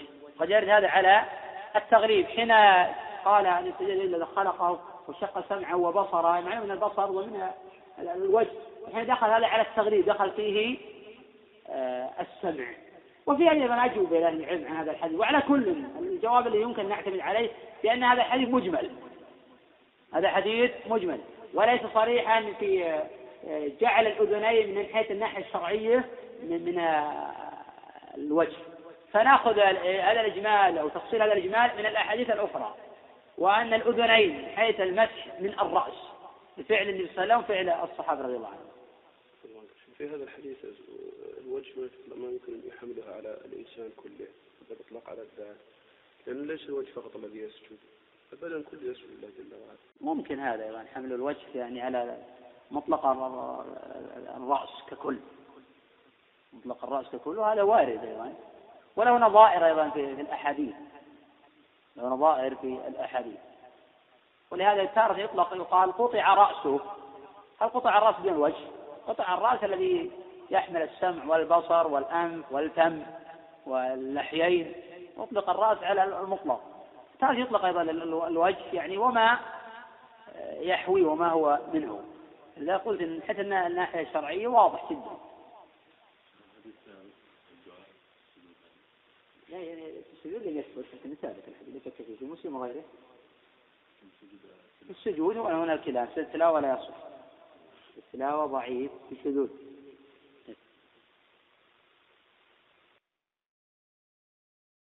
بسم الله الرحمن الرحيم. السلام عليكم ورحمة الله وبركاته وبعد. فهذا الدرس من إلقاء فضيلة الشيخ سليمان بن ناصر العلوان. حفظه الله تعالى. وموضوع هذا الدرس شرح كتاب الطهارة من جامع أبي عيسى الترمذي رحمه الله الدرس السادس والعشرون باب ما جاء أن مسح الرأس مرة. وكان إلقاء هذا الدرس في اليوم التاسع والعشرين من شهر شوال من عام ألف وأربعمائة وواحد وعشرين. الحمد لله رب العالمين وصلى الله وسلم وبارك على عبده ورسوله نبينا محمد وعلى آله وصحبه أجمعين. قال الإمام الحافظ أبو عيسى الترمذي رحمه الله تعالى في سننه باب ما جاء أن مسح الرأس مرة. حدثنا قتيبة قال حدثنا حدثنا بكر بن مضر عن ابن عجلان عن عبد الله بن محمد بن عقيل عن الربيع بنت معوذ بن عفراء أنها رأت النبي صلى الله عليه وسلم يتوضأ قالت مسح رأسه ومسح ما أقبل منه وما أدبر وصدغيه وأذنيه مرة واحدة. وفي الباب عن علي وجد طلحة بن مصرف.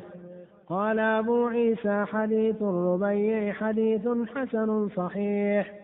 وقد روي من غير وجه عن النبي صلى الله عليه وسلم أنه مسح برأسه مرة والعمل على هذا عند أكثر أهل العلم من أصحاب النبي صلى الله عليه وسلم ومن بعدهم. وبه يقول جعفر بن محمد وسفيان الثوري وابن المبارك والشافعي وأحمد وإسحاق.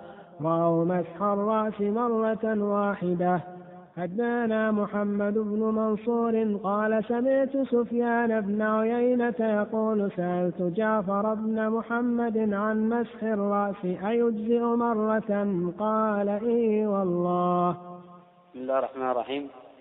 قال المؤلف رحمه الله تعالى باب ما جاء أن مسح الرأس مرة. هذا الباب معقود. لبيان الاقتصار في مسح الرأس على مرة لأن مسح الرأس مبني على التخفيف. ولأنه لو كرر مسحه أشبه الغسل ولأنه لم يثبت عن النبي صلى الله عليه وسلم أنه مسح أكثر من مرة. الرأس اشتملت عليه منابت الشاعر المعتاد. وقد تقدم تقوية القول. في وجوب تعميم مسح الرأس لأن حديث عبد الله بن زيد وغيره من الأحاديث الصحاح تفسر الآية وامسحوا برؤوسكم. وقد أجمع العلماء رحمهم الله تعالى على وجوب مسح الرأس غير أنهم اختلفوا في القدر الواجب من ذلك. وقد تقدم بحث هذه المسألة وأن الراجح وجوب تعميم مسح الرأس. والمرأة في ذلك كالرجل المرأة في ذلك كالرجل. وقد جاء في صحيح البخاري معلقا قال قال سعيد بن المسيب المرأة بمنزلة الرجل تمسح على رأسها. وهذا مذهب الإمام الشافعي. وجاء عن أحمد أنه قال يكفي المرأة مسح مقدم رأسها. ودليل هذا ما جاء في سنن النسائي من طريق عبد الملك ابن مروان ابن الحارث. قال أخبرني أبو عبد الله سالم سبلان. قال أرتني عائشة رضي الله عنها كيف كان رسول الله صلى الله عليه وسلم يتوضأ. الحديث وفيه وضعت يدها في مقدم رأسها ثم مسحت رأسها مسحة واحدة إلى مؤخره ثم أمرت يديها بأذنيها ثم مرت على الخدين. وقد ترجم له الإمام أبو عبد الرحمن النسائي رحمه الله تعالى في سننه بقوله باب مسح المرأة رأسها وهذا الحديث قد تفرد به عبد الملك ابن مروان بن الحارث ولم يروي عنه سوى الجعيد ابن عبد الرحمن. والجعيد ثقة. وعبد الملك ليس له في الكتب الستة سوى هذا الحديث. وقد ذكره الإمام ابن حبان رحمه الله في ثقاته. وقد تقدم التنبيه مرارا أن هناك فرقا بين ما ذكره الإمام ابن حبان رحمه الله في ثقاته وبين من نص على توثيقه. الثاني أقوى من الأول. فإذا نص على توثيق الراوي فحسبك ذلك. وإذا ذكره في ثقاته دون أن ينص على توثيقه فيقع في كلامه شيء من التساهل. فقال الحافظ رحمه الله تعالى في التقريب في ترجمة عبد الملك قال مقبول. وقد ذكر في المقدمة أن من قيل عنه مقبول فهو لين الحديث إلا عند المتابعة. وقد تقدم قبل درسين الجواب عن هذا الحديث وعما أورده بعض الإخوة من الإشكالات حوله وأن كون عائشة رضي الله عنها مسحت مقدم رأسها هذا هو الواجب. إذا عممت أن عائشة كون أن كون عائشة مسحت مقدم رأسها أن هذا هو الواجب. إذا عممت الرأس وأن الرجوع سنة بناء على أن المرأة كالرجل. ولأنه لم يثبت نص صريح يثبت التفريق. وحديث الباب ليس صريحا في التفريق. ولو كان حديث الباب نصا لكان محمولا على تعميم الرأس. لأن لا تسمى المسحة مرة واحدة إلا إذا عمم بها الرأس. إذا لم يعمم لا تسمى مرة واحدة. لأن الواجب التعميم. ولا سيما أن عائشة رضي الله عنها بدأت المقدم إلى المؤخر. بينما ذهب الإمام أبو حنيفة رحمه تعالى أنه يكفي مسح الربع أي ربع الرأس وعنه ثلاث شعرات وهو قول للشافعية. وعن الشافعية قول أنه يجزئ مسح شعرة واحدة. وقد تقدم الحديث عن أدلتهم.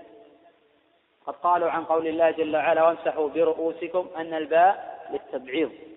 وكون الباء تأتي للتبعيض هذا جاء ما يدل عليه في اللغة ولا سيما إذا سبقت بفعل يتعدى. أما إذا سبقت بفعل لا يتعدى فإن الباء لا تكون إلا للإلصاق كقوله تعالى وليطوفوا في البيت العتيق ولكن دلت السنة وجاءت الأحاديث الصحيحة عن رسول الله صلى الله عليه وسلم تبين ما أجمل من الآية وأن الواجب تعميم الرأس بالمسح ولم يثبت عن النبي صلى الله عليه وسلم حديث يدل على جواز الاقتصار على بعض الرأس. وكونه صلى الله عليه وسلم مسح على الناصية والعمامة كما جاء هذا في حديث المغيرة في صحيح الإمام مسلم فقد تقدم الحديث عنه وأنه في من مسح على العمامة. قال الإمام أبو عيسى رحمه الله تعالى حدثنا قتيبة وتقدم الحديث عنه مرارا. قال حدثنا بكر بن مضر ابن محمد بن حكيم ابن سلمان المصري مولى ربيعة ابن شرحبيل بن حسن الكندي وقد ولد سنة اثنتين ومائة عن ابن عجلان أو قبل ذلك نكون عن من روى عن من روى عنه بكر ومن روى عنه. روى بكر بن مضر عن عمرو بن الحارث وعياش بن عقبة ويزيد بن أبي حبيب وأبي قبيل المعاثري وعنه عبد الله بن واب وعبد الرحمن بن القاسم وعثمان بن صالح السهمي. وقال عنه الإمام أحمد رحمه تعالى ثقة ليس به بأس. وقال ابن معين ثقة. وقال ابن حبان من الأثبات في الروايات. وقد توفي سنة أربع وسبعين ومائة وقد روى له الجماعة سوى ابن ماجه عن ابن عجلان. هو محمد ابن عجلان القرشي المدني مولى فاطمة بنت الوليد بن عتبة. كان من الفقهاء العباد وله حلقة في مسجد رسول الله صلى الله عليه وسلم وكان يفتي. وقد روى عن بكير بن عبد الله بن الأشج ورجاء بن حيوة وزيد بن أسلم وسعيد المقبري وأبي حازم الأشجعي وسمي مولى أبي بكر بن عبد الرحمن. وعنه بشر بن المفضل وخالد بن الحارث وروح بن القاسم وسفيان الثوري وابن عيينة وشعبة ويحيى القطان. وقد قال عنه الإمام أحمد رحمه الله تعالى ثقة وقال ابن معين ثقة أوثق من محمد بن عمرو بن علقمة ما يشك في هذا أحد. وقال يعقوب أبو حاتم والنسائي ثقة. وقال ابن عيينة رحمه الله ثقة مأمون عالم بالحديث. وقال يحيى كان ابن عجلان مضطرب الحديث في حديث نافع ولم يكن له تلك القيمة. والمتأمل لأحاديث ابن عجلان عن نافع يرى في بعضها شيئا من الاضطراب والاختلاف والتفرد عن الأقران. وقال يحيى القطان سمعت ابن عجلان يقول كان سعيد المقبري يحدث عن أبيه. عن أبي هريرة فاختلط علي فجعلتها كلها عن أبي هريرة. قال ابن حبان رحمه الله تعالى وقد سمع سعيد المقبري من أبي هريرة وسمع من أبيه عن أبي هريرة. فلما اختلط على ابن عجلان صحيفة ولم يميز بينهما فاختلط فيها وجعلها كلها عن أبي هريرة وليس هذا مما يوهى به الإنسان لأن الصحيفة كلها في نفسها صحيحة. فما قال ابن عجلان؟ عن سعيد عن أبيه. عن أبي هريرة فذلك مما حمل عنه قديما قبل اختلاط صحيفته عليه. وما قال فيها عن سعيد عن أبي هريرة فبعضها متصل صحيح وبعضها منقطع فلا يجب الاحتجاج إلا بما يروي الثقات المتقنون عنه.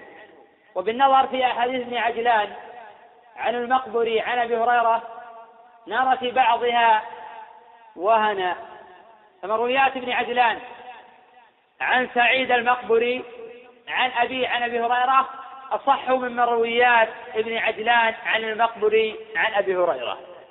وهذا واضح للباحث. فابن عجلان صدوق سيء الحفظ. ومثله يقبل حديثه ولكن ينبغي النظر في مروياته عن نافع وعن المقبري عن أبي هريرة.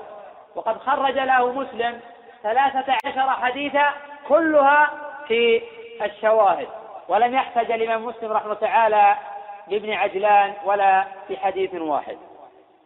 وقد روى له أهل السنن وقال الحاكم رحمه الله تعالى تكلم المتأخرون من أئمتنا في سوء حفظه وهذا واضح من اختلاف في بعض الأحاديث.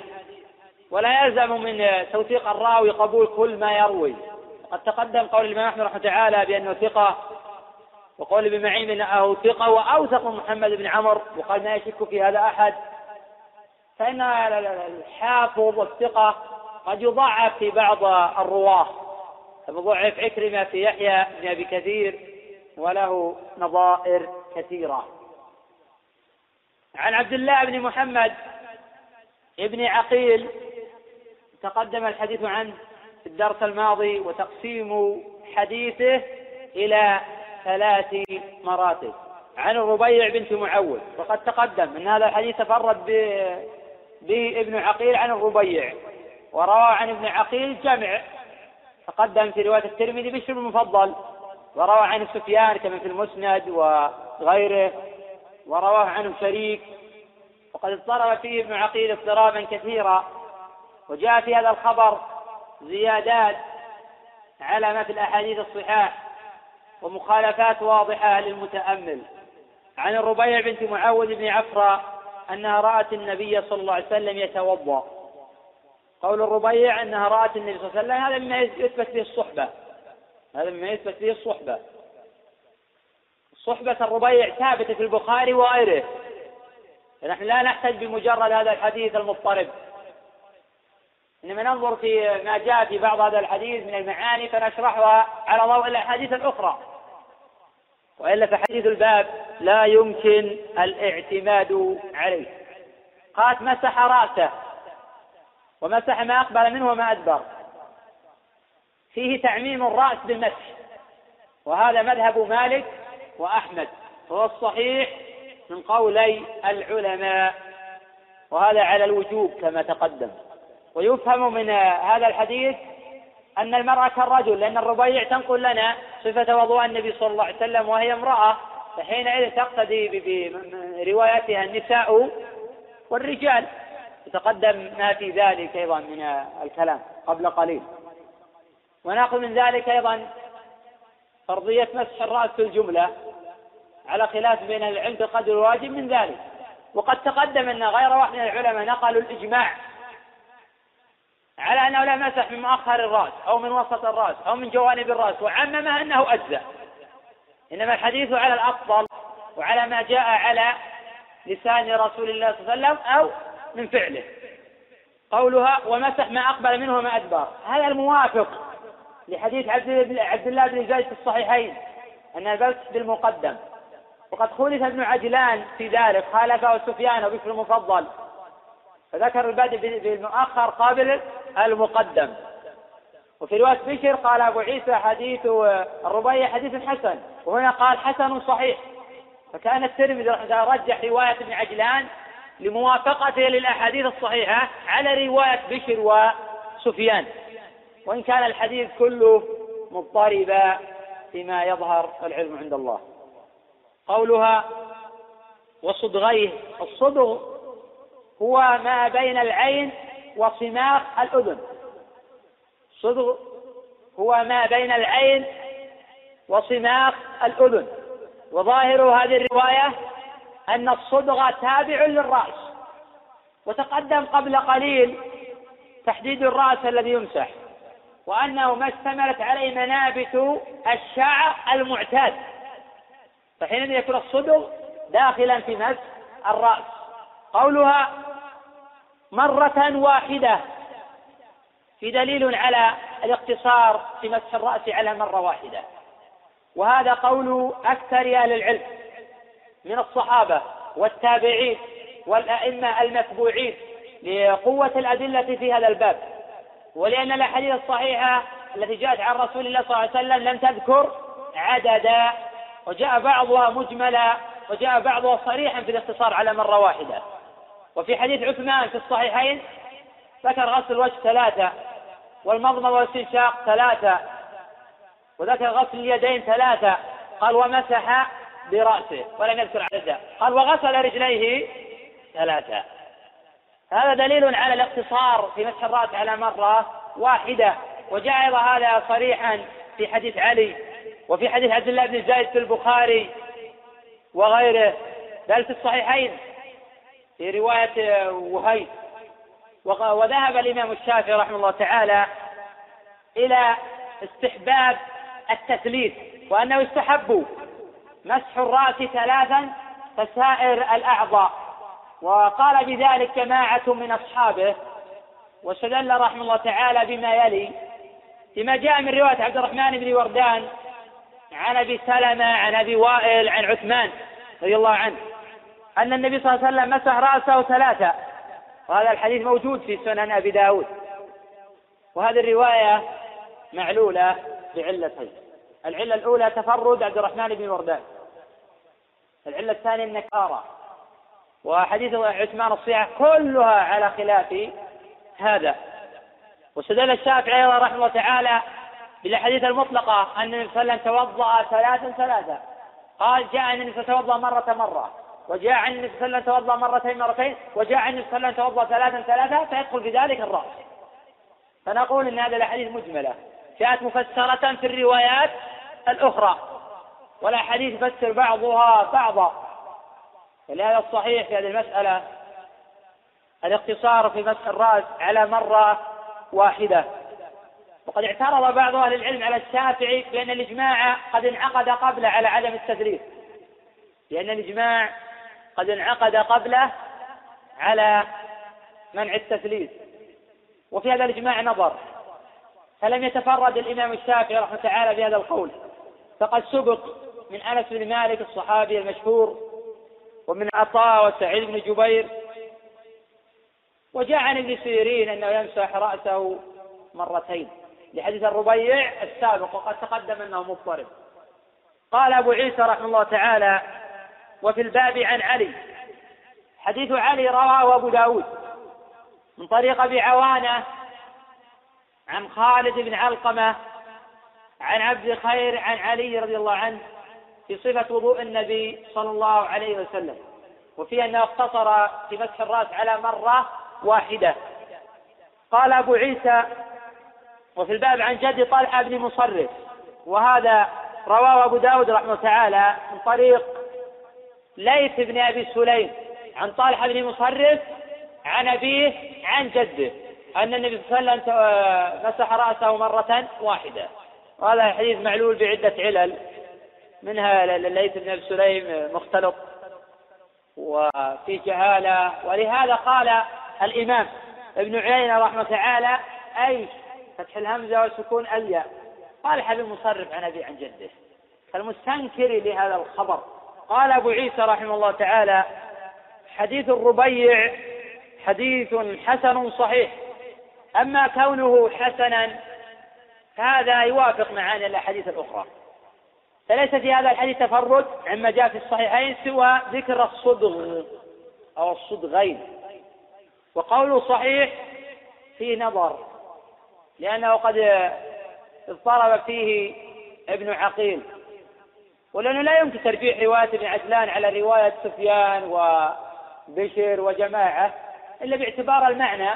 ونستغني بالمعنى في الأحاديث الصحيحة عن هذا الخبر.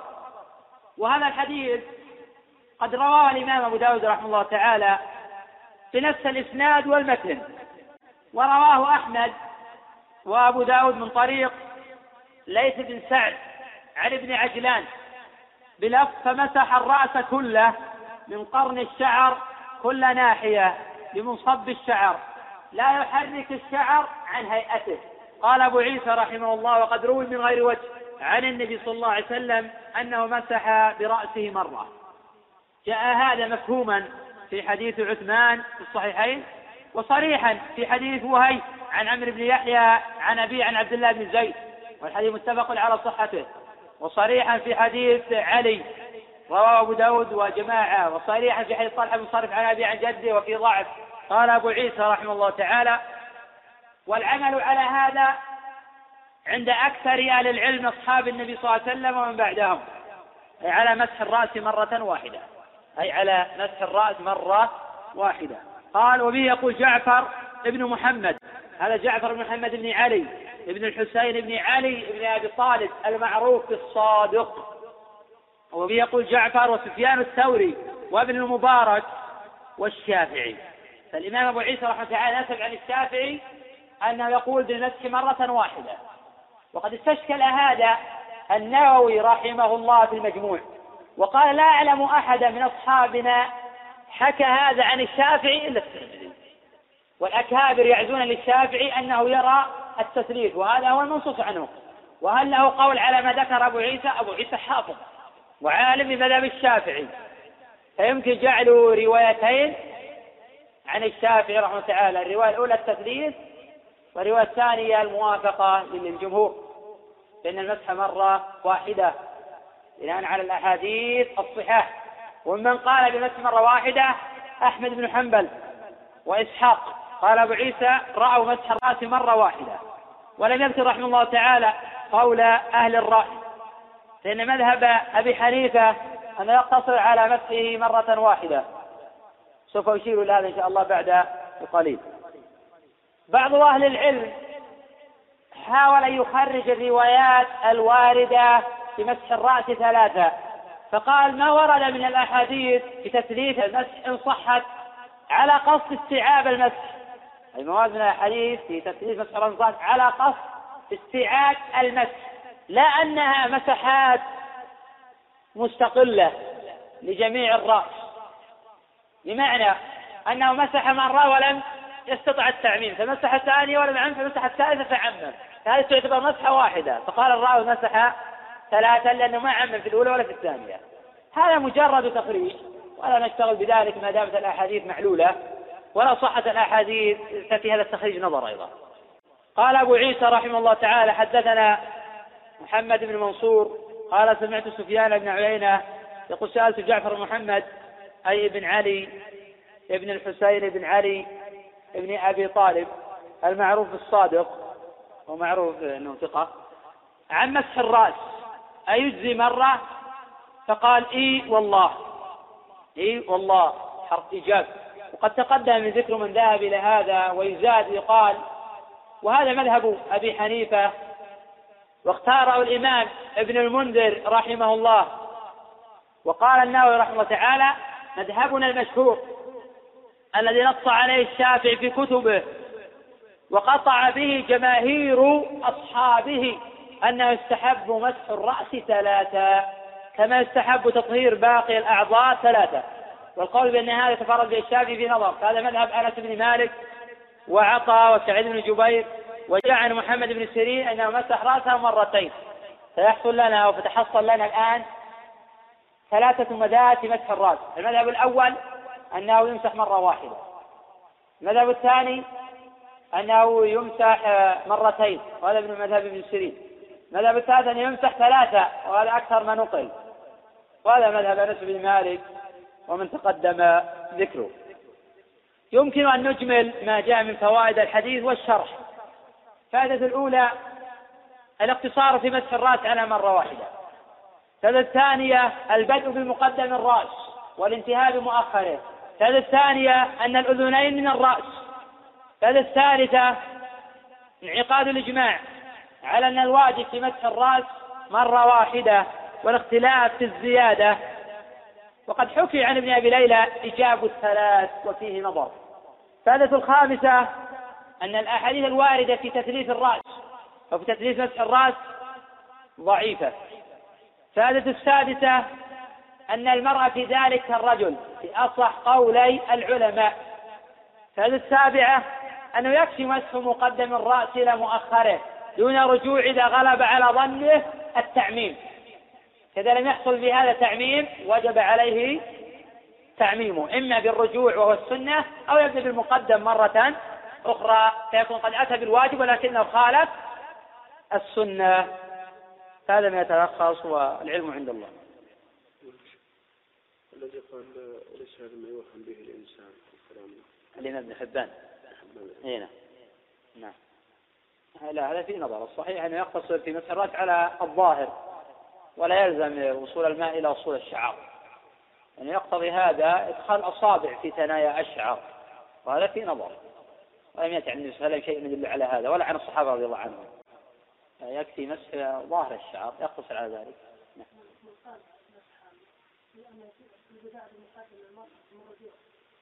في حالة يغسل الشعر يغسل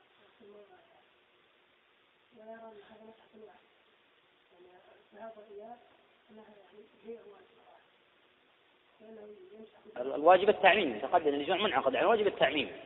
فما يمكن يعني يلزم من هذا القول آه، أنه لو عمم يجب الرجوع. وهذا لا قائل به. فالواجب التعميم. فإذا عمم بالبدء بمقدم الرأس إلى مؤخر سقط عنه الواجب. فرجوعه سنة بالاتفاق. إلا على ما نقل تقدم الليلة أنه يوجب مسح الرأس ثلاثا وفي نظر راجح أنه إذا عمم ادى بالاجماع كما نقل إجماع الطبري والنووي وابن عبد البر وجماعة من أهل العلم. التعميم مع الرجوع والسنة. قدر الماء الذي يؤخذ لا يبالغ في أخذ الماء ما ورد تحديد المالي ورد لكن تقدم ان النبي صلى الله عليه وسلم أخذ لراسه ماء شديدا وسوف يذكر هذا أبو عيسى رحمه الله تعالى في الدراسة القادمة حين قال باب ما جاء أنه يأخذ لراسه ماء جديدا ثم استدل بحديث عبد الله بن زيد انه رأى النبي توضأ وأنه مسح رأسه بماء غير فضل يديه. أي فضل يديه. لأن في رواية أنه مسح رأسه بما فضل من يديه. وهذه رواية منكرة. هذا جاءت من رواية ابن عقيل عن الربيع بن معود وأن الراجح أخذ ماء جديد للأذين لكن لم يدري لم يأتي تحديد قدر الماء. فلا يبالغ في في في, في الأخذ حديث كثيرا المراد أن يرطب يديه. مراد أن يرطب يديه وبالعافية يمسح مقدم إلى المؤخر ثم يرجع.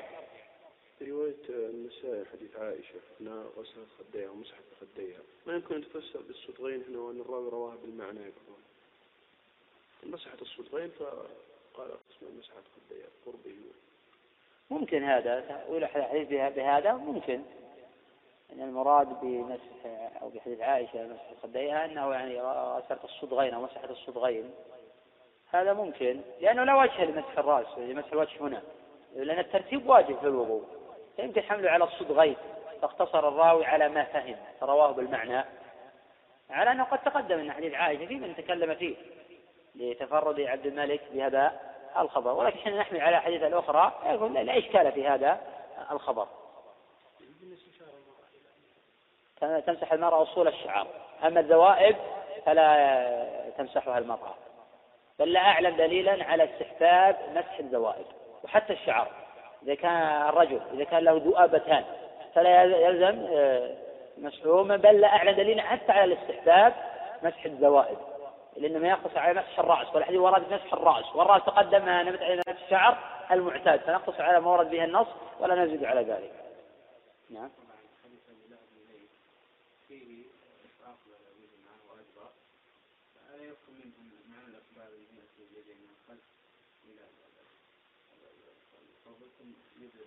لا يمكن هذا لأن مالك رحمه الله سئل عن معنى حديث بن زيد فأخبر بالناصية إن روى الحديث عن عمرو بن يحيى. هذا بالناصية المؤخر ثم يرجع. هذا دليل على أن المقدم هو ما يلي الناصية. هذا هو المقدم هو ما يلي الناصية. هذا اللي يفهم من الحديث من مجموع طرق الحديث كما في رواية مالك عند ابن خزيمة.